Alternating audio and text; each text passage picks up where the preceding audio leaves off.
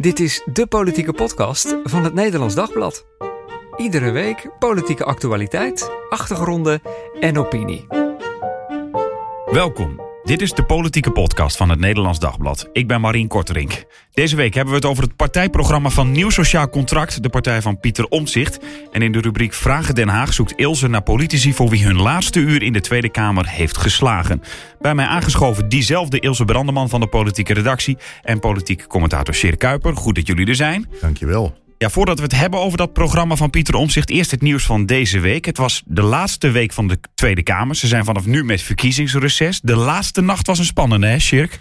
Ja, normaal is het al gewoon dat een laatste nacht voor een reces dat er veel stemmingen plaatsvonden eh, vinden. En dit keer waren dat stemmingen over zeer ingrijpende voorstellen. Er is uh, om drie uur vannacht uh, is er nog voor uh, miljarden verbouwd aan de begroting. En dat is eigenlijk uh, gênant haastwerk van een Tweede Kamer die zelf geregeld tegenwoordig zegt van we moeten zorgvuldiger wetgeving uh, toepassen. Maar ja, ze vonden het kennelijk allemaal wel belangrijk om, uh, om gauw nog eventjes hun politieke wensen door te drukken. Want het gaat dan met name om, om financiële veranderingen die, die passen zeg maar in de, in de, bij de identiteit van de verschillende partijen. Links wilde ehm, de, de bankenbelasting omhoog. rechts wilde de, de, de belasting op energie niet te hoog laten worden. Bevriezen van de studentenrentes, dacht ik ook, hè? Exact. En dat zijn dus allemaal dingen waarvan je kunt zeggen van... Uh, is daar wel voldoende over nagedacht? En normaal vindt de behandeling van het belastingplan... pas aan het eind van het jaar plaats, hè, in december. nu moest dat naar voren geschoven worden. En is het dus allemaal een vrij korte tijd na Prinsjesdag... zijn de debatten ja. erover geweest... en zijn er nu dus ook spijkers met koppen geslagen. En in die zin is het ook wel bijzonder natuurlijk... dat je in september een plan hebt, Prinsjesdag... en dat het dan nu inderdaad allemaal weer vertimmerd wordt. Ja, en de omvang is zo, sowieso al historisch. En de snelheid maakt het allemaal nog wat uh, riskanter, mijn zin. Ja. Ander nieuws deze week. Gisteravond nog. Thierry Baudet op zijn hoofd geslagen met een paraplu. Hoe zit dat precies? Nou, hij zou een lezing geven in Gent. Uh, daar was vooraf al wat hommeles over. Um, nou ja, of hij dat wel zou moeten doen. En toen was hij daar gisteren. En toen is hij met een paraplu op zijn hoofd geslagen. Um, en politici in Nederland, van links tot rechts, waren het er allemaal over eens. Dat is natuurlijk onacceptabel. Het klinkt natuurlijk wel een beetje bijzonder. Geslagen met een paraplu. Ik zag het filmpje ook. Ja, raar. Ja, en ik denk dat die, zeg maar, die reacties van de politici, dat is geen gespeelde empathie. Ik denk dat ze echt geschrokken zijn. Want uh, heel veel politici worden op het ogenblik beveiligd. En een, een, incident als dit laat zien dat die beveiliging toch niet waterdicht is. Dit roept herinneringen op aan 2002. Toen Fortuyn, Fortuyn ja. ja. voordat hij vermoord wordt, heeft hij een keer een, een zogenaamde taart in zijn gezicht gekregen. Waarna hij een dringend appel opdeed op premier Kok destijds van... u bent ook mijn premier, beveilig mij beter. Uh, nu blijkt dus dat beveiliging ook niet het, uh, uh, een oplossing garandeert. En elke politicus realiseert zich in deze tijd dat als je ergens op een mensenmenigte toeloopt, er hoeft er maar eentje tussen te staan met ja. een paraplu of erger en het kan je overkomen. En dit is de afgelopen tijd kreeg de campagne een beetje een vrolijke uh, sfeer haast. Het viel me van de week op bij de presentatie van het programma van Omtzigt. Daar gaan we het zo nog uitvoeriger over hebben. Dat hij zei van ja, hij, hij had iets van optimisme. De man glanst helemaal. Ja. Uh, want hij ziet dat ook andere partijen uh, bereid zijn tot verandering. Iedereen heeft het gevoel van 13 jaar Rutte is voorbij. We gaan het dat anders doen. Was, ja. paars was voorbij. En nu merkt, komt er ineens weer een deken van ernst, denk ik, over de campagne van oh ja, maar politici zijn wel bedreigde mensen in Nederland. Ja. En, daar, en dat is niet fijn. Dat leek even vergeten, maar nu ineens is dat weer terug. Ja. En afgelopen zondag was het eerste verkiezingsdebat bij College Tour tussen Van der Plas van BBB, Jezielkers van VVD, Omzicht van NSC en Timmermans van GroenLinks PvdA. En de vraag is hoe deden ze het? Nou, Caroline van der Plas geeft haar eigen recensie van het debat op haar eigen kanalen. Ik heb weinig gezegd, maar wat ik zei was raak. Dus uh, ik ben uh, daar tevreden mee. Less is more. Frans Timmermans geen kennis van zaken over kernenergie. En begon op een gegeven moment schreeuwen. Dylan had een discussie met een student die 60.000 euro schuld heeft. 60.000. En die gaat dat meisje gewoon vertellen van dat ze blij mag zijn dat ze in zo'n mooi land mag studeren. Pieter, uh, veel feitenkennis natuurlijk. Dat weten we van hem. Heel veel kennis. Um, goede dingen gezegd. Maar vond ik wel een beetje abstract. ja, hoe hebben jullie daarna geluisterd? Ja, heerlijk. Wat een analyse. Nou, het, het klopt ook wel. Er zitten wel kern van waarheid in. Um, maar het is heerlijk dat zij het nodig vindt om haar eigen debat, waar ze zelf aan meedeed en waar ze zelf ook niet super goed uitkwam, nog even te recenseren. Uh, Kijk, nou, nou spreek jij met een understatement. Want ze kwam er niet geweldig uit. Ik bedoel, iedereen was erover eens dat zij het slechtste deed. Al weinig aan het woord geweest toch? Ja, maar ook uh, dus niet haar kans greep om van dit debat wat te maken. En ik denk dat ze zelf van tevoren al het idee had: wat doe ik hierbij? Uh, want het, het, is zo langzamerhand wel duidelijk dat die andere drie, dat dat de kopgroep is. En dat zij daar achteraan bungelt. Tussen haar zit uh, en de kopgroep zit ook nog de PVV. Maar goed, die mocht dan om bepaalde redenen niet meedoen. Maar deze mevrouw geneert zich niet om een karikatuur van zichzelf te maken. De arrogantie waarmee ze met woorden als gelul en dergelijke. En ja, Timmermans geen kennis van kernenergie. Dat is zo door. Er komt een moment dat mensen daar de, de buik echt helemaal vol van hebben, van die arrogantie. Maar is dat arrogantie? Ja, natuurlijk. Want Timmermans, notabene, Timmermans is de afgelopen jaren vergezeld door Diederik Samson. Een kernenergie-expert. Die, is, die heeft daarop gestudeerd. Dus het idee van, omdat de man toevallig een ander standpunt heeft, heeft hij er geen verstand ja. van. Dat is een voorbeeld van, van tergende arrogantie. Maar het was natuurlijk wel zo, dat, sowieso de hele... zo dat andere partijen, die zeiden ook van, het kan wel. Ja, maar ook, de, ja, de, natuurlijk zijn er partijen die er anders over denken en die het willen. Eh, omdat ze de, daarmee hopen dat ze wat druk wegnemen van de energietransitie. Dus de, de wil is bij veel partijen de vader van de gedachte. Maar om dus iemand met een ander standpunt gewoon te zeggen van, nou, die heeft geen kennis van zaken. En tegelijk uh, het aanschurken tegen Pieter Omzicht. Dat is zo langzamerhand ook gewoon gênant. Ik wil met Pieter. Ja, want ze weet al lang dat ze zelf niet de grootste wordt. Dus gelukkig, uh, Mona Keizer hoeft geen premier te worden. Want dat zou echt een drama geworden zijn. En zij weet wel dat ze uh, bijna onmisbaar is voor welke coalitie dan ook. Want 16 zetels in de Eerste Kamer. Dus uh, haar positie als regeringspartij is een gespreid bedje. En verder hoeft ze zich niet zo...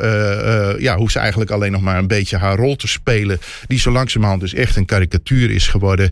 En, uh, maar dat is toch uh, gewoon een, een, verschil van... Ja, jij houdt niet van haar stijl dan misschien? Nee, het gaat niet om of ik... ik ik, ik spreek niet vanuit houden van, ik spreek vanuit analyse. Hè? Uh, ik zit hier te recenseren, maar zij speelt alsof ze inderdaad uh, uh, die drie anderen eventjes in een paar woorden kan beoordelen. Terwijl ze dus tijdens het debat zelf niet de kans heeft gegrepen om dan werkelijk inhoudelijk het debat met Timmermans aan te gaan. Jij zet dus makkelijk achteraf even op je eigen kanaal. Zij, zij, greep niet in op het moment dat Dylan Jezilgus dat, dat verhaal hield tegen die studenten. Ze zegt nu achteraf van hoe presteert ze het zeg om tegen een studenten zoiets te zeggen.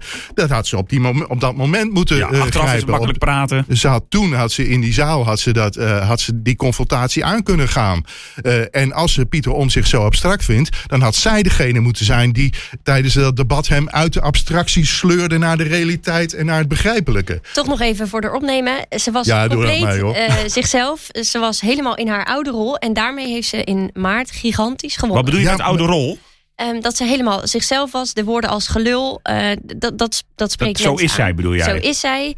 Um, je zag misschien de laatste weken, zeker voor de zomer, dat ze iets aan het verzuren was. Ja. Als ik dat zo mag zeggen. Ja, en die rol heeft ze, weer, ze heeft zich weer helemaal herpakt. Nou, uh, of ze, nog, ze is nog steeds verzuurd. Ze, ze heeft er gewoon geen zin meer in.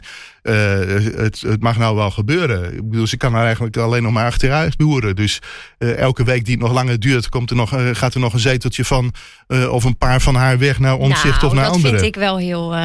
dat moet Zo jij nog het. zien. Zo is het. We, we gaan, dat, dat weten we over ongeveer een maandje, want dan zijn de verkiezingen. Um, voordat we verzanden in het nieuws van deze week. Ook het uh, nieuws, ander nieuws van deze week moeten we uitgebreid bespreken. Het partijprogramma van Nieuw Sociaal Contract. De partij van Pieter Omtzigt al even genoemd.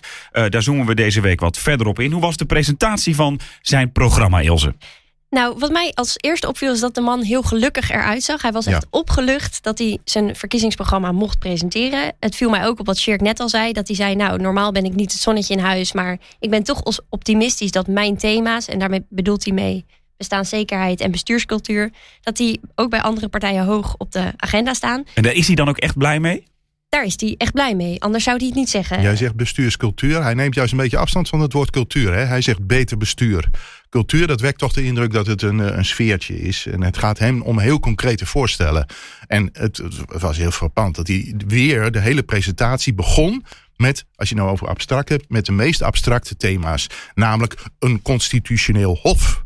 Maar uh, zij... een uh, districtenstelsel. Nou, als er nou dingen zijn waarvan je denkt van zouden de mensen daar nou warm voor lopen? Ja. Hij, hij heeft dus een soort onverstoorbare eh, blijven inzetten op de saaie dingen waarvan hij zegt dat moet eerst gebeuren voordat we alle andere dingen eh, kunnen verbeteren. Want we kunnen niet met de huidige manier van besturen eh, andere grote hervormingen doorvoeren. Ja. Hij heeft de hoofdstukken ingedeeld op relevantie voor zichzelf. En dat Ja. blijkt inderdaad. Daarom is hij ook begonnen met die. Hij zei dat ook nadrukkelijk. Hè? Dat is, eh, die, die volgorde is ook een rangorde. Dus het is niet zomaar willekeurig. Hè? Van grondrechten zeggen we wel eens... er is geen volgorde, de volgorde van de grondrechten is geen rangorde. Hij zegt nadrukkelijk... bestuurscultuur, hoe abstract het ook is... het is absoluut het belangrijkste waar we mee moeten beginnen. Nou zeg ik zelf bestuurscultuur. Hij zegt Maar dus beter, bestuur. Ja. Wat me verder opviel was ook dat eh, we hadden vooraf wel verwacht dat we het programma, verkiezingsprogramma onder embargo zouden krijgen. Dat is helemaal niet raar. Omdat En dat houdt in hè, dat je dus als journalist eigenlijk al bijvoorbeeld een dag van tevoren dat hele programma krijgt, zodat je even kan lezen van wat wilde je eigenlijk, ja, toch? klopt. En dag is wel heel lang, maar een uur of misschien een paar uur. Ehm, nou, kwart voor tien zaten we in de, in de, in de nieuwsport, waar het verkiezingsprogramma werd gepresenteerd. Ehm, toen mochten we beginnen met lezen. Toen hadden we ongeveer een kwartiertje. Nou, we kregen dat verkiezingsprogramma ook niet eh, meteen. We mochten wel lezen, maar we mochten er niet gelijk over schrijven. Want die teksten die moesten wachten tot 11 uur. We mochten wel omzichts. Terwijl de presentatie om tien uur begon. de presentatie begon om 10 uur. Dat wil zeggen dat eh Omzicht toen ongeveer begon met presenteren. We mochten omzichtsteksten wel voor 11 uur naar buiten brengen. En ook de titel van het eh, programma. Tijd voor herstel. En wat me daarin opviel is dat het dus allemaal heel geregisseerd was. Dus als omzicht natuurlijk, als je omzichtswoorden zelf wel mag opschrijven, maar het verkiezingsprogramma niet, dan kun je natuurlijk voorstellen dat omzicht de mooie, goede punten alleen noemt. En dat je dat als journalist wel naar buiten mag brengen. En de pijnpunten eh, nog niet, want dat programma mag je nog niet publiceren. En dan kan ik me voorstellen dat zoals je het nu schetst, dat dat voor een hoop mensen iets, eh, ja, zo'n journalisten dingetje van, nou ja, het zal maar een rotzorg zijn of die journalisten nou vijf of tien of twintig minuten de tijd hadden. Maar dit is wel een moment dat eh, de manier waarop hij de regie probeert te houden op zijn campagne en ook het, het beperken van het aantal debatten waar hij meedoet, dat gaat op de oplopende irritatie opleveren. En het, het is ook hoog tijd dat de journalistiek een kritische houding aanneemt tegenover Ja. eh, omzicht. Want tot nu toe eh, is er een sfeer van eh, omzicht is in het land zo heilig en wordt door de mensen zo gewaardeerd dat als je de confrontatie met hem aangaat, dat het op je eigen hoofd terugkeert. Maar journalisten En- pakten hem direct aan eigenlijk Ja, wel. de want de eerste eerste vraag, vraag- erover ging. De eerste vraag was van NRC en eh, die vroeg inderdaad van meneer Omzicht, u bent zelf altijd van alles moet op tijd. Eh, u verwacht altijd brieven en informatie van We het moeten kabinet. praten over de inhoud. We moeten praten over de inhoud. Ehm, u zegt dat ook geregeld in debatten. Ja, ik heb weer geen informatie gekregen. En nu zitten wij hier zonder dat we het gelezen hebben. En we moeten u wel vragen stellen. Hoe dan? Wat wel aardig was, hij, eh, hij liet zelf op een gegeven moment, of nee, dit was in het debat zondagavond. Toen werd hij eh, erop aangesproken op de suggestie van... u heeft alle touwtjes in handen. U weet, elk moment heeft u precies geregisseerd. En toen viel hij een beetje uit zijn rol. Want toen zei hij van, nou, dat vind ik zo leuk aan analyses. Die veronderstellen altijd dat alles eh, strategisch en Oh, ja, doordacht ja, is. ja. Maar heel veel dingen in Den Haag gaan gewoon fout en gaan zoals ze lopen. Zo is het natuurlijk ook. Hij had zijn lijst niet eerder klaar. Hij had zijn programma niet eerder klaar. Eh, hij wist wel eerder dat hij wist wel volgens mij voor de zomer al dat hij met een partij wilde komen. Maar het is een enorme haastklus geweest. En het feit dat hij nu zijn programma bijvoorbeeld niet heeft kunnen laten doorrekenen door het CPB, dat is voor hem eh, moet dat toch een, eh, een, een, een gevoel van zwakte geven. Want de man die financiële zorgvuldigheid eh, zo hoog in het vaandel heeft. eh, eh, kan daar geen goede sier mee maken met dat hij een programma aanlevert waarvan we eigenlijk niet weten of het allemaal betaalbaar is. Ja. Er stond wel een kleine financiële paragraaf in het verkiezingsprogramma. Maar daar was inderdaad al snel de kritiek op dat hij eigenlijk te sumier was. Ja, ik, ik wil zo meteen gaan we even wat the- thema's voorbij. Eh, we hebben natuurlijk lang op dat programma gewacht. Omzicht zei dan altijd, ja, jullie weten natuurlijk al wat ik vind, want ik heb een boek uitgegeven. Hè? Eh, in welke mate is het programma verrassend? Of is het inderdaad zo dat alles wat in het boek staat eigenlijk ook in het programma zit? Ehm, ik denk dat, ja, dat tweede is waar. Alles wat in het boek staat en dat grondslagendocument. En we wisten natuurlijk van omzicht welke thema's hij belangrijk vond. Daar begon hij, begon hij ook mee. Het gaat hem natuurlijk meer in de, in de vraag zitten van de ehm, concrete uitwerkingen. Hoe wil je dan dat... eh, nou, hoe is het met medische ethiek? Eh, wat vind je van nou, allerlei andere standpunten? Ja, die vond je niet in het grondslagendocument en ook niet in het boek. En die staan nu wel in het verkiezingsprogramma. Ja. Eh, even een paar thema's er zo uitpakken. Voordat we dat doen. Het was deze week, zoals gezegd, de laatste week voordat het verkiezingsreces begint. En voor sommige politici dus ook hun laatste week, soms na jaren in Den Haag. En Ilse, jij zocht er een paar op. Vraag het Den Haag. Vorige week zei ik het nog. Marien Korterink is mijn aller, aller, allerliefste collega. Deze week veranderde dat toch iets, want hij had een beetje kritiek op mij. Ik zou te veel mannenstemmen in de podcast laten horen. En dus ga ik speciaal voor hem ook op zoek naar wat vrouwenstemmen. En deze week ga ik op zoek naar politici die na de verkiezingen waarschijnlijk niet meer terugkomen. Hoe voelt zo'n laatste Kamerweek voor hen? In de werkkamer van Corinne Ellemeet, Kamerlid voor GroenLinks en PvdA. Ik zie de verhuisdozen nog niet staan. Nee, nee, daar heb ik eigenlijk nog geen tijd voor gehad. Want het is een drukke dag vandaag, de laatste dag. Ja, en ik moet zeggen, de afgelopen dagen waren ook druk. Dus ik dacht, nou, misschien kan ik eh, wel een beetje uitrusten al die laatste dagen. Maar dat was absoluut niet het geval. En dit is vandaag de laatste Kamerdag. Um, ja, welk gevoel overheerst bij u? Nou, eerlijk gezegd echt wel een gevoel van trots. Dus ik heb heel hard gewerkt aan die samenwerking met GroenLinks en PvdA. En heel vaak was er toch wat cynisme van, gaat ze dat wel lukken? Nou, het is ons gelukt. We gaan samen deze verkiezingen in en daar ben ik echt apetrots op. Vandaag is dus de laatste Kamerdag en volgende week ja, begint het uh, verkiezingscampagne. Dat duurt nog een aantal weken. Houdt u het nu even helemaal gezien wat politiek betreft? Nou, nee, ik ga echt nog wel mijn steentje bijdragen achter de schermen aan de campagne. Want uh, ja, het is me toch echt uh, een liefding waard dat we dit zo goed mogelijk gaan doen. Corinne Ellemeet wilde zelf vertrekken. Maar er zijn ook mensen die op de kandidatenlijst een lager plekje hebben, waardoor het de vraag is of ze terugkomen in het parlement. En een van hen is Anne Kuik van het CDA. Mevrouw Kuik, u bent met uw flyer bezig. U staat op plek 10 van de kandidatenlijst. Dit kan uw laatste week zijn hier. Ja, dat kan zomaar. Uh, maar ik heb de hoop nog niet opgegeven hoor. Ik bedoel, uh, Henry doet het hartstikke goed. En, uh... U verwacht dat de CDA misschien nog wel 10 zetels gaat halen? Nou, ik hoop dat. Maar we moeten wel hard aan de bak. En het is niet zo heel leuk om over na te denken. Maar als dit uw laatste week is, wat gaat er dan door u heen? Ja, ergens zit dat in je achterhoofd. Uh, tuurlijk leg je daar nog niet bij neer. Uh, maar het is zo dat we nog allemaal inhoudelijke dingen hebben. Dus wetgeving over terrorisme. En ik zou morgen mijn laatste debat hebben over mensenhandel. Maar de staatssecretaris is ziek, dus dat debat gaat niet door. Dus dat voelt echt heel erg onaf. dus extra meer reden om kaart aan de bak te gaan, ook in die campagne. Zodat mijn werk ook gewoon kan doorzetten. Dus de verhuisdozen staan nog niet klaar. De verhuisdozen staan zeker nog niet klaar. Uh, en als dat het geval is, zien we dan wel weer natuurlijk. Uh, maar ik ga, ik ga er zeker nog even voor strijden dat dat goed komt. Normaal loop ik natuurlijk alleen maar door het tijdelijke Tweede Kamergebouw.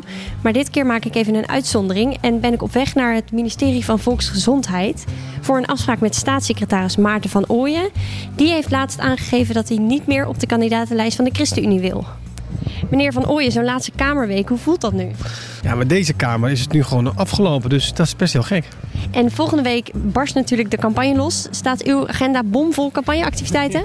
Reken maar, zeker. Ziet u daar naar uit? Ja, ik vind het heel leuk. Ik, het is, dan, zo voelt het ook. Het voelt als de afsluiting van dit, uh, ja, van, van dit parlementaire werk. Ja, en nu gewoon volle bak uh, aan de slag met de campagne. Uh, gewoon de zaaltjes in, de straten op, de mensen in gesprek, interviews, noem het allemaal maar op. En campagne voeren is eigenlijk ook best heel erg leuk. Omdat je namelijk weer heel erg teruggaat naar wat vind ik belangrijk. Uh, en dat gaat vertellen. Dus uh, ja, ik heb er eigenlijk best heel veel zin in. De verhuisdozen staan dus nog niet klaar. Maar dat moment komt wel een keer. Gaat u de politiek dan missen? Nou, ik moet zeggen, ik ben nog helemaal niet bezig met afscheid nemen. Uh, want mijn hoofd zit helemaal in de campagnestand. Uh, maar inderdaad, op een gegeven moment gaat dat moment uh, natuurlijk vast een keer komen. Alleen, ja, eerst maar eens gewoon volop die campagne in. Daarna kijken naar de formatie. Ja, en daarna gaan we weer eens kijken wat daarna volgt.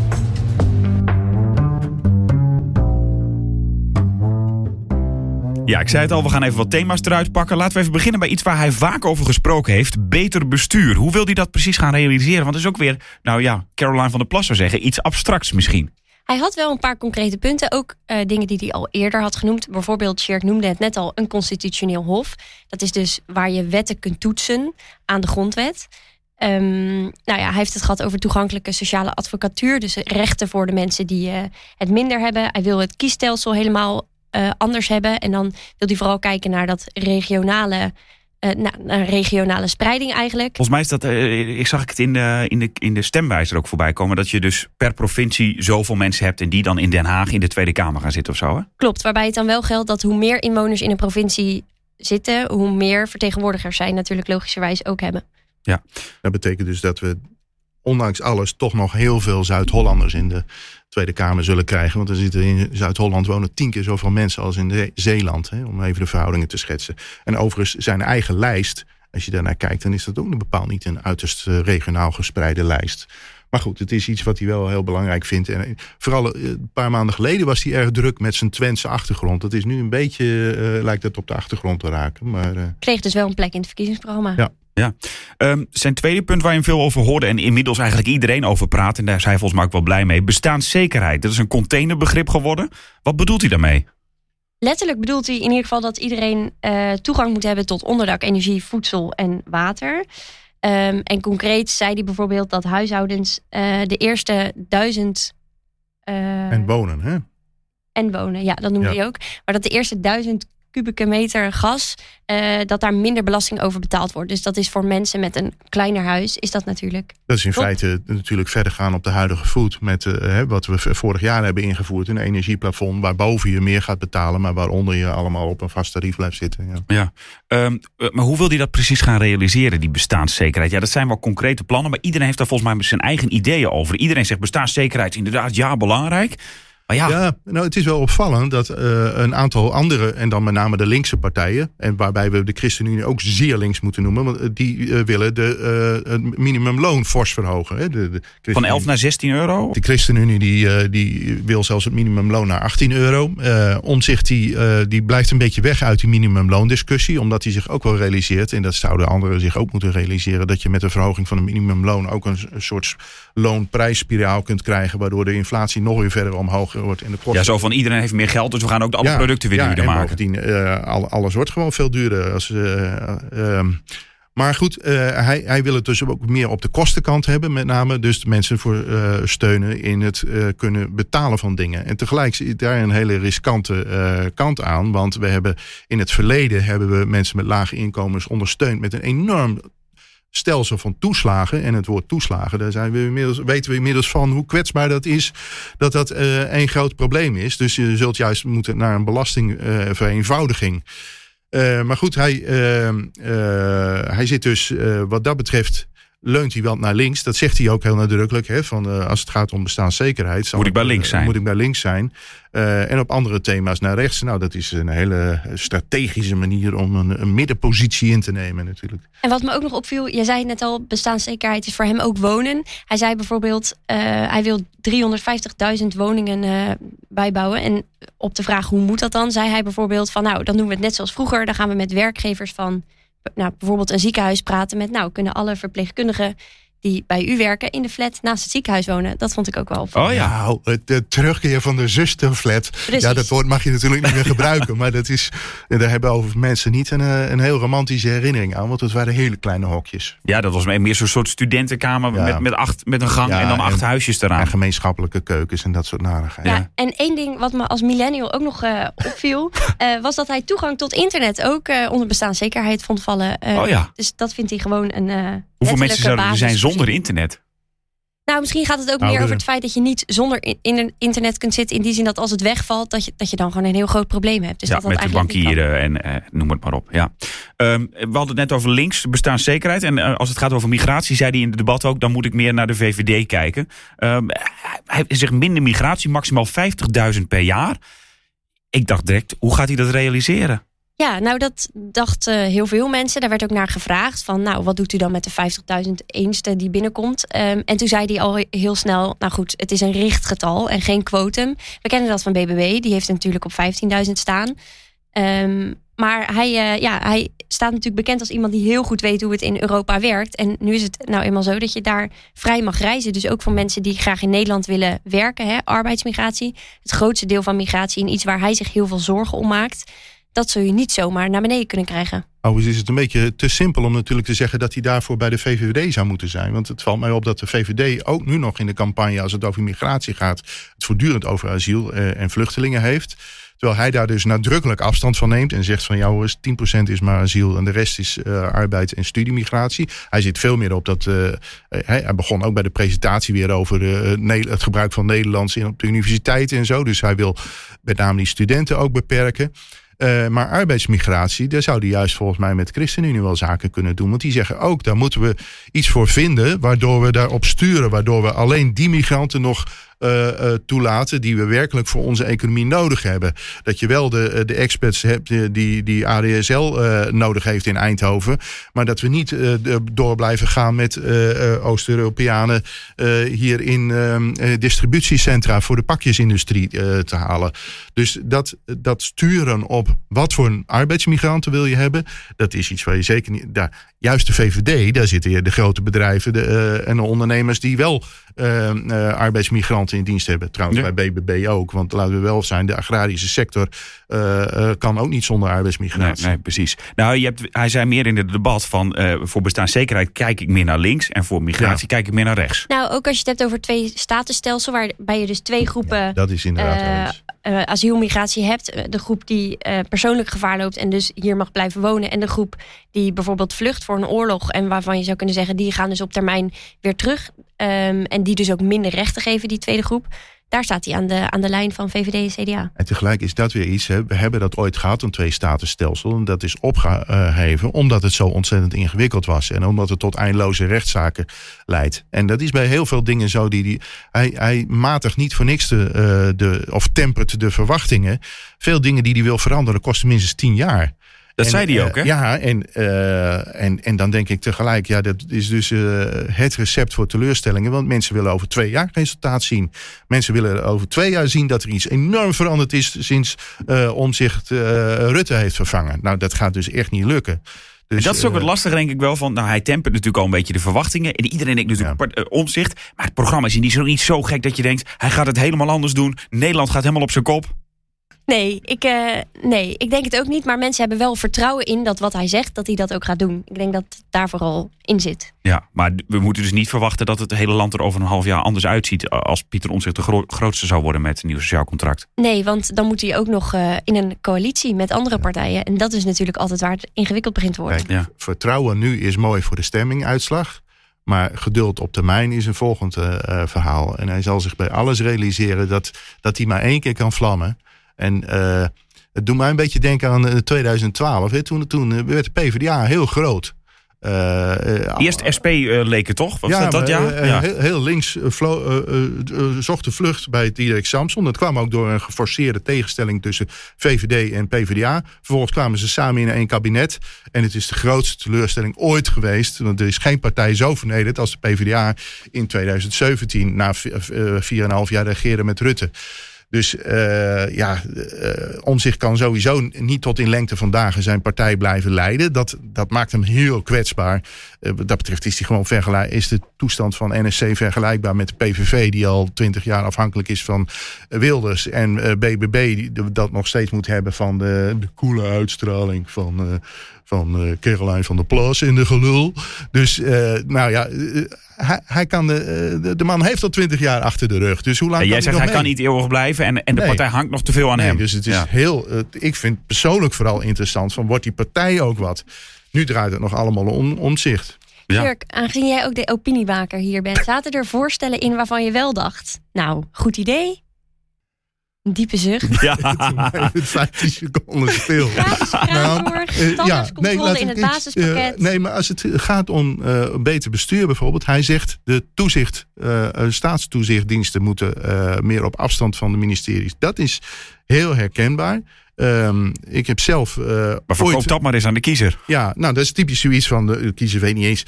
Heeft, hem, heeft de kiezer er een idee van hoe de, eh, hoe de inspecties werken? Geen flauw idee. Maar ik heb dus meegemaakt, ik werkte op een ministerie... dat de, de woordvoerders van de inspectie voor infrastructuur en milieu... zaten gewoon in één kamer met de woordvoerders van de bewindslieden. Zo dicht zat de inspectie bij, Ja. eh, bij het beleid.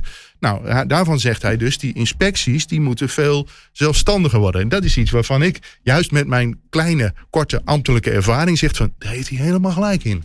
Kijk, nou, die, die, die, die, kan in zijn zak steken, hè? Pieter Omzicht. Ehm, ik wil het nog even hebben over de medisch-ethische thema's. De, de- bij de Christelijke Partij in het in het ND-verkiezingsdebat gaat het geheid ook daarover. Ehm, hoe hoe denkt de partij daarover, daarover? Want daar hadden we hem nog niet over gehoord eigenlijk, hè? Klopt. En daarin was het natuurlijk wachten op het verkiezingsprogramma. En daar is hij best wel conservatief in. Ehm, hij vindt de huidige wetgeving over bijvoorbeeld abortus schrijft hij best wel evenwichtig. Of schrijft hij, schrijft natuurlijk de partij. Ehm, en voor de wet voltooid leven eh, geen steun van Pieter Omtzigt. Ja, en, maar, en jij zegt van het eerste, dat, dat vindt hij nu goed. Uh, maar christelijke partijen willen dat misschien soms ook nog wat terugdraaien, toch? Als het gaat om Ehm, abortus bijvoorbeeld. Ja, het ligt er natuurlijk aan hoe je christelijke partijen ziet. De SGP wil dat inderdaad eh, graag terugdringen. Ja, Ik zie dat Ja. bij ons zich niet zo snel gebeuren. nee, met CDA ook niet natuurlijk. En, eh, En de ChristenUnie zal er tussenin zitten misschien. ja, de ChristenUnie, die, die, maar goed, de ChristenUnie zit met het probleem. Ze hebben nu zes jaar eh, eh, met VVD geregeerd en met D66 en eh, allerlei veranderingen moeten slikken. Ja, dan zeggen ze wel van, het was geen kabinetsbeleid, maar het was de Kamer die het deed. Hè? Het- afschaffen van de bedenktermijn bijvoorbeeld. Maar die kunnen dus, eh, ja, die kunnen niet heel een sterk geluid laten horen op dit eh, thema. Ik dacht, ik dacht wel toen ik die passage las hierover, dacht ik wel van. Het, eh, het is niet zijn core business. Hij denkt gewoon, het is prima zoals het nu is. Klopt. Niet te veel. Ik wil er niet te veel gedoe over krijgen. Dus als ik gewoon laat zoals het is, is het prima. Klopt, het was een klein paragraafje ook in het hele verkiezingsprogramma. Nou is dat niet heel baanbrekend, want dat is bij de meeste partijen eh, wel zo. Behalve bij D66 en bij eh, de ChristenUnie volgens mij.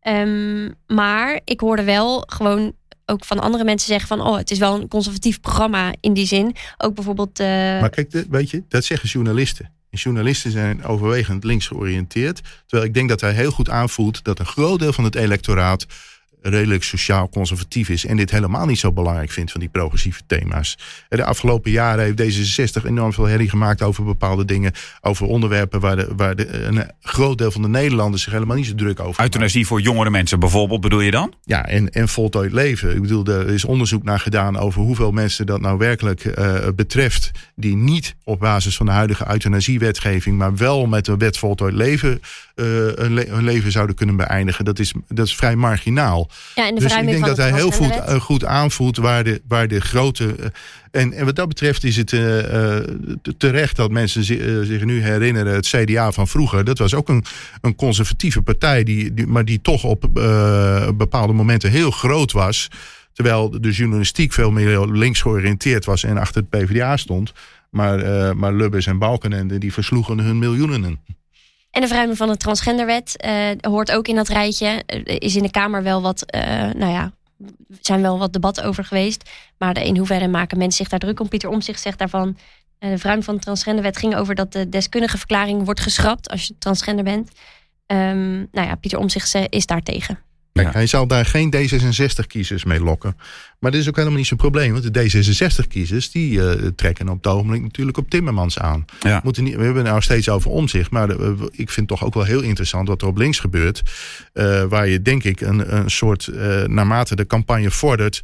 Een, eh, een samenscholen rond Timmermans kunt krijgen. Tegelijk zit hij met een zeer verdeelde eh, achterban. Dat blijkt nu al als het bijvoorbeeld gaat over de Israëlisch-Palestijnse kwestie. Maar Ja. ook als het over klimaat gaat. Dan is GroenLinks en PvdA. Dat eh, loopt al nog En tegenstanders gaan het uitspelen natuurlijk. Hè? Jawel, en hij, hij- kijk, eh, om, om echt de grootste te worden, zal hij ook nog flink wat weg moeten halen bij de Partij voor de Dieren. Dan zit je helemaal aan de li- linkerkant. Maar ook bij D66, dan zit je veel meer aan de liberale kant. Dus wat daar gaat gebeuren, of het hem lukt eh, om, eh, om echt een grote eh, fractie te vormen, vind ik ja, eigenlijk ook heel interessant. Komen we komende weken ongetwijfeld over te spreken. We hebben het vorige week natuurlijk ook al even over Timmermans gehad. Ja. Ehm, dan nog even omzicht. Hij komt natuurlijk uit CDA. In welke mate lijken die programma's nou op elkaar? Lees je gewoon CDA of? Ja, in sommige passages wel. De inleiding begint al heel keurig over gemeenschappen. Dat is echt iets wat we van het CDA kennen. De gemeenschappen als grote innerlijke kracht. En met gemeenschappen worden dan bij het CDA ook vaak de kerken en zo genoemd. Om zich beperkt zich tot gezinnen, wijken, bedrijven.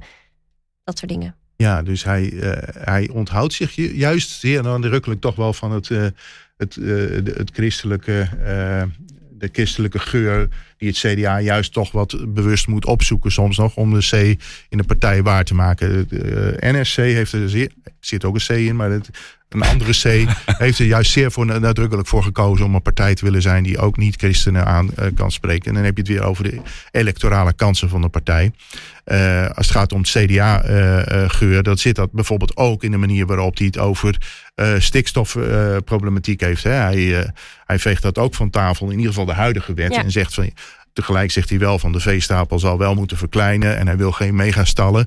Uh, dus daar, uh, daar, zit, daar mikt hij ook een beetje op dezelfde kiezers. En tegelijk is dat eigenlijk het enige gebied waar Caroline van der Plas hem nog hard zou kunnen aanvallen. Maar dat doet ze niet, want zij wil met Pieter. Maar als het gaat over de, de landbouw, dan zou zij echt een punt van kunnen maken dat niet helemaal waar. Caroline van der Plas heeft deze week ook gezegd dat Pieter aanschurkt tegen D66 met zijn uh, nou, ja. standpunt. Waar um, ehm, NSC ook op CDA lijkt, is een realistisch klimaatbeleid. Dus niet per se heel ambitieus, maar vooral op realistisch. En de NAVO-norm werd ook genoemd. Ja, maar als het over het klimaat gaat, hij wil wel Parijs halen. En uh, volgens eh, de echte rechtse kiezer is Parijs al een volstrekte illusie. Hè? Zijn de, de, de doelen van Parijs. Ja. maar het Klimaatfonds bijvoorbeeld, waar geld in zit, dat moet van tafel. Ja. Uh, Ehm, dit programma even naast die christelijke partijen leggen. Uh, hij inderdaad, hij zit niet specifiek in dat christelijke vaarwater. Dat die, eh, zijn grondslag is katholiek, hebben we al eens besproken. Maar het is niet zo dat hij heel christelijke thema's heeft. Gaan, gaan ChristenUnie, CDA, SGP, gaat hij daar, nou, als je, zoals je bij Frans Timmermans kan zien, dat, ze, dat hij misschien mensen weghaalt bij D66 of bij Partij voor de Dieren bijvoorbeeld, omdat het nou, misschien twee, drie tegen elkaar worden. Eh, gaat dat ook gebeuren met, met omzicht die dat weghaalt bij de christelijke partijen? Nou, sowieso is het wel de verwachting dat NSC bij alle partijen iets wegsnoept. Um, INO kwam deze week, een onderzoeksbureau kwam deze week met een peiling. Dus peiling natuurlijk geen exacte wetenschap, maar het zegt wel iets. Um, en die zeggen eigenlijk 36% van alle kiezers zegt, nou ja, ik zou best bij NSC uit kunnen komen. Dat is echt best wel hoog. Um, en in datzelfde eh, onderzoekje, wat zij dus hebben gepubliceerd, staat ook dat 15% van de ChristenUnie stemmers, dus die in 2021 op de ChristenUnie stemden, zegt nu, nou, ik ga naar NSC. Dat vond ik nog best wel hoog. Maar of dat nou echt door het programma zou komen, ik denk dat dat gewoon meer zou komen door een, eh, een moeheid van de afgelopen en een afkeer van de afgelopen periode. Hè, waar, uh, waar ook de ChristenUnie gewoon echt uh, regeermoeheid heeft opgelopen. Dat mensen denken van ja, waarom zou ik eigenlijk op de ChristenUnie stemmen? Straks komen ze weer in een coalitie. Dan gaan ze weer water bij de wijn doen. Nou, dan, dus dat, dat gevoel van hang naar verandering. Uh, en dat, dat zit er meer gewoon in het totale klimaat en de lucht en het, verander, de, de, het beloven eh, van beter bestuur. En iedereen wat het, bij de wat het dan ook horen. betekenen mogen worden. Dat is eigenlijk allemaal heel abstract. Maar dat, dat, dat is meer wat, eh, wat, hem, uh, wat uh, mensen in hem aantrekt dan dat ze nou zijn programma's dingen gaan uitpluizen. Ik denk dat het ze wel geruststelt, de, recht, de christelijke kiezers, dat hij inderdaad nu geduid wordt als een tamelijk sociaal-conservatief denker. Ja, ja en, en als je normaal misschien ChristenUnie stemde en overwoog in CDA bijvoorbeeld, zou, neem je nu misschien wel NSC ook mee? Klopt. CDA gaat wel, uh, is de verwachting flink verliezen onder uh, NSC. Ja, maar dan gaat het wel over hun eigen kiezers. Terwijl ik van de ChristenUnie misschien juist wel kan verwachten dat, die, uh, dat er wel kiezers van de ChristenUnie zijn die aangesproken worden door Henry Bontebal. Die toch een, een heel nieuw CDA neerzet. Uh, en uh, kijk, vroeger was er een, een, enorm verschil tussen ChristenUnie en CDA. Want CDA was een grote machtspartij met 40, 50 zetels. En de ChristenUnie was een kleine, principiële partij. Nou, dat verschil is totaal weggevallen de afgelopen jaren. Het zijn gewoon allebei twee regeringspartijen... die allebei schade hebben geleden door het regeren met Rutte. Uh, en dat kan betekenen dat er juist van de ChristenUnie misschien wel wat mensen zeggen van... nou, die bontebal... En tegelijk, uh, Mirjam Bikker heeft natuurlijk, zet best een goed alternatief uh, neer uh, ten opzichte van Segers, die bij tijds vertrokken is. Ja. Hebben we nog één echt principiële partij over, christelijk gezien? SGP. De nou, broeders. En die zetten zich nog eens lekker conservatief neer. Hè? Met hun Volvo bakken. Zo. Oh nou, ja, nou. ja, wat bedoel je? Even voor de mensen die het gemist hebben. Ja, dat moet de luisteraar even weten hoor. De, de, de Kamerleden van de SGP, of de kandidaten van de SGP, lieten deze week op sociale media trots zien dat hen drie grote Volvo's ter beschikking zijn gesteld. Er werd niet bijgezegd door wie. Door uh, Broekhuis, autobedrijf. Werd er wel bijgezet. Ja? Er was één Kamerlid, andere ja, vlag. De nieuwe... Nadat er naar gevraagd werd van, van uh, uh, hoe komen jullie eraan, werd inderdaad de naam van het bedrijf genoemd. die overigens ook vorige keer geloof ik in de, in de jaarrekeningen terugkwam. Omdat ze dus een bijdrage in natura aan de campagne verlenen op die manier. Maar dit is, uh, ja, je kunt het een klein dingetje noemen. Maar ten eerste, ze, zetten, ze komen er zelf nou heel nadrukkelijk mee naar buiten. Hè. Het is niet zo dat er iemand toevallig bij een campagnebijeenkomst ziet van... hé, hey, wat komt uh, uh, Stoffer daar in een mooie Volvo aanzetten. Nee, ze zijn er echt trots op. En het zet hen ook een beetje neer als gewoon... eh, ja, de ondernemende partij. eh, het, het past ook heel erg bij de, bij de achterban. laten we Nee, wel is zijn. niet zo Ik slim, denk- toch? Ik denk dat bij veel reformatorische kerken ook Volvo staan. Eh, dus, eh, maar het is wel een, een profileringspuntje. Ja, ik, maar tegelijkertijd, dat, het klopt wat eh Shirk zegt, maar ik denk ook dat weinig SGP'ers zich hier druk om maken. Ik denk dat het vooral SGP'ers mensen vinden zijn het prima. Nee, natuurlijk. Het, Ja. is, het is meer zo dat de, de, de, de linkser aangehoogde ChristenUnie-kiezer hier een bevestiging Ja, ziet ja. van kijk, SGP dat is toch wel echt een benzinepartij en, en Ja. wij, zijn van het, wij zijn van de fiets. Ja, ik, dat, vond, dat vond ik dan ook wel weer grappig. Je zag dat op sociale media voorbij komen. En, en vooral linkse kiezers, voor mijn gevoel, gaan daar dan allemaal grapjes over maken. Terwijl volgens mij als je het andersom doet, zeg maar, dat rechtse mensen eh, over linkse dingen grapjes maken, dat dan de reactie soms weer wat anders is. Maar dat, Kijk, slim campagne voeren is altijd juist gewoon een beetje de verschillen uitvergroten ten opzichte van de partijen die, die tegenover je staan. Die, die, waarmee je echt geen, weinig maar grens, eh, grensverkeer hebt. Terwijl eh, eh, campagne wordt juist spannend waar partijen heel dicht bij elkaar staan. En, eh, en hoe ze zich dan ten opzichte van elkaar Ja. verhouden. Maar Shirk, dan nog de vraag, gaan de mannenbroeders van de SGP last hebben van NSC? Eh, dat denk ik eigenlijk niet. Nee. die hebben een hele trouwe achterban. Hè, Zij denken dat zelf overigens ook niet. Nee. Zij denken, we hebben eh, Pim Fortuyn overleefd, we hebben FVD overleefd. Vervolgens kwam BBB, hebben we ook geen last van gehad. PVV eh, hebben ze. PVV. Nou ja, kijk, ze, ze hebben inderdaad meer last gehad van dat, eh, dat, dat hele geposeerde conservatisme van Baudet. Dan van, eh, eh, van Pieter Omzicht nu. En bovendien, laten we niet vergeten, de stemmen zijn al geteld. Dus waar maak je je druk om? Dat zeggen zij zo? Ja, dat zeggen zij zo. Ja. Ja, De stemmen zijn al geteld? In de hemel is al duidelijk wat er eh, gaat gebeuren. Dus waarom zou je hier dan... Dat is wel een mooie maken? quote. Ja. Ja. De stemmen zijn al geteld. Dat, ik dacht even, huh, hebben wij iets gemist? Politieke podcast, de stemmen zijn al geteld. Ik denk, ik Maar- klop hem er maar gewoon in. Ja. Maar Nou, dat geeft dan een stukje ontspanning. Weten dat alles al eh, voorbestemd is. Ja. ja.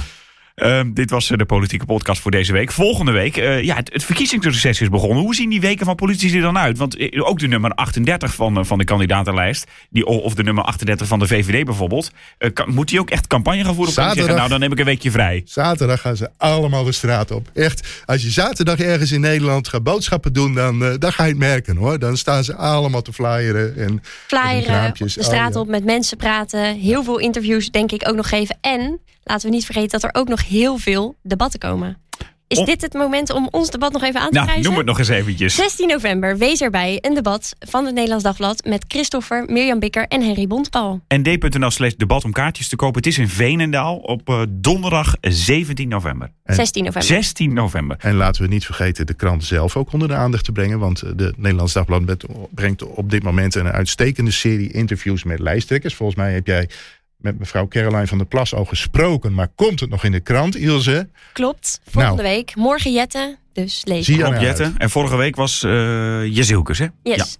Dit was hem voor deze week, de politieke podcast. Vergeet niet een recensie achter te laten, want dat maakt het voor anderen weer makkelijker om ons te vinden. nd.nl slash debat om kaartjes te kopen voor het debat. En als je op deze podcast abonneert, dan verschijnen we iedere week vanzelf in je podcast app. Tot volgende week.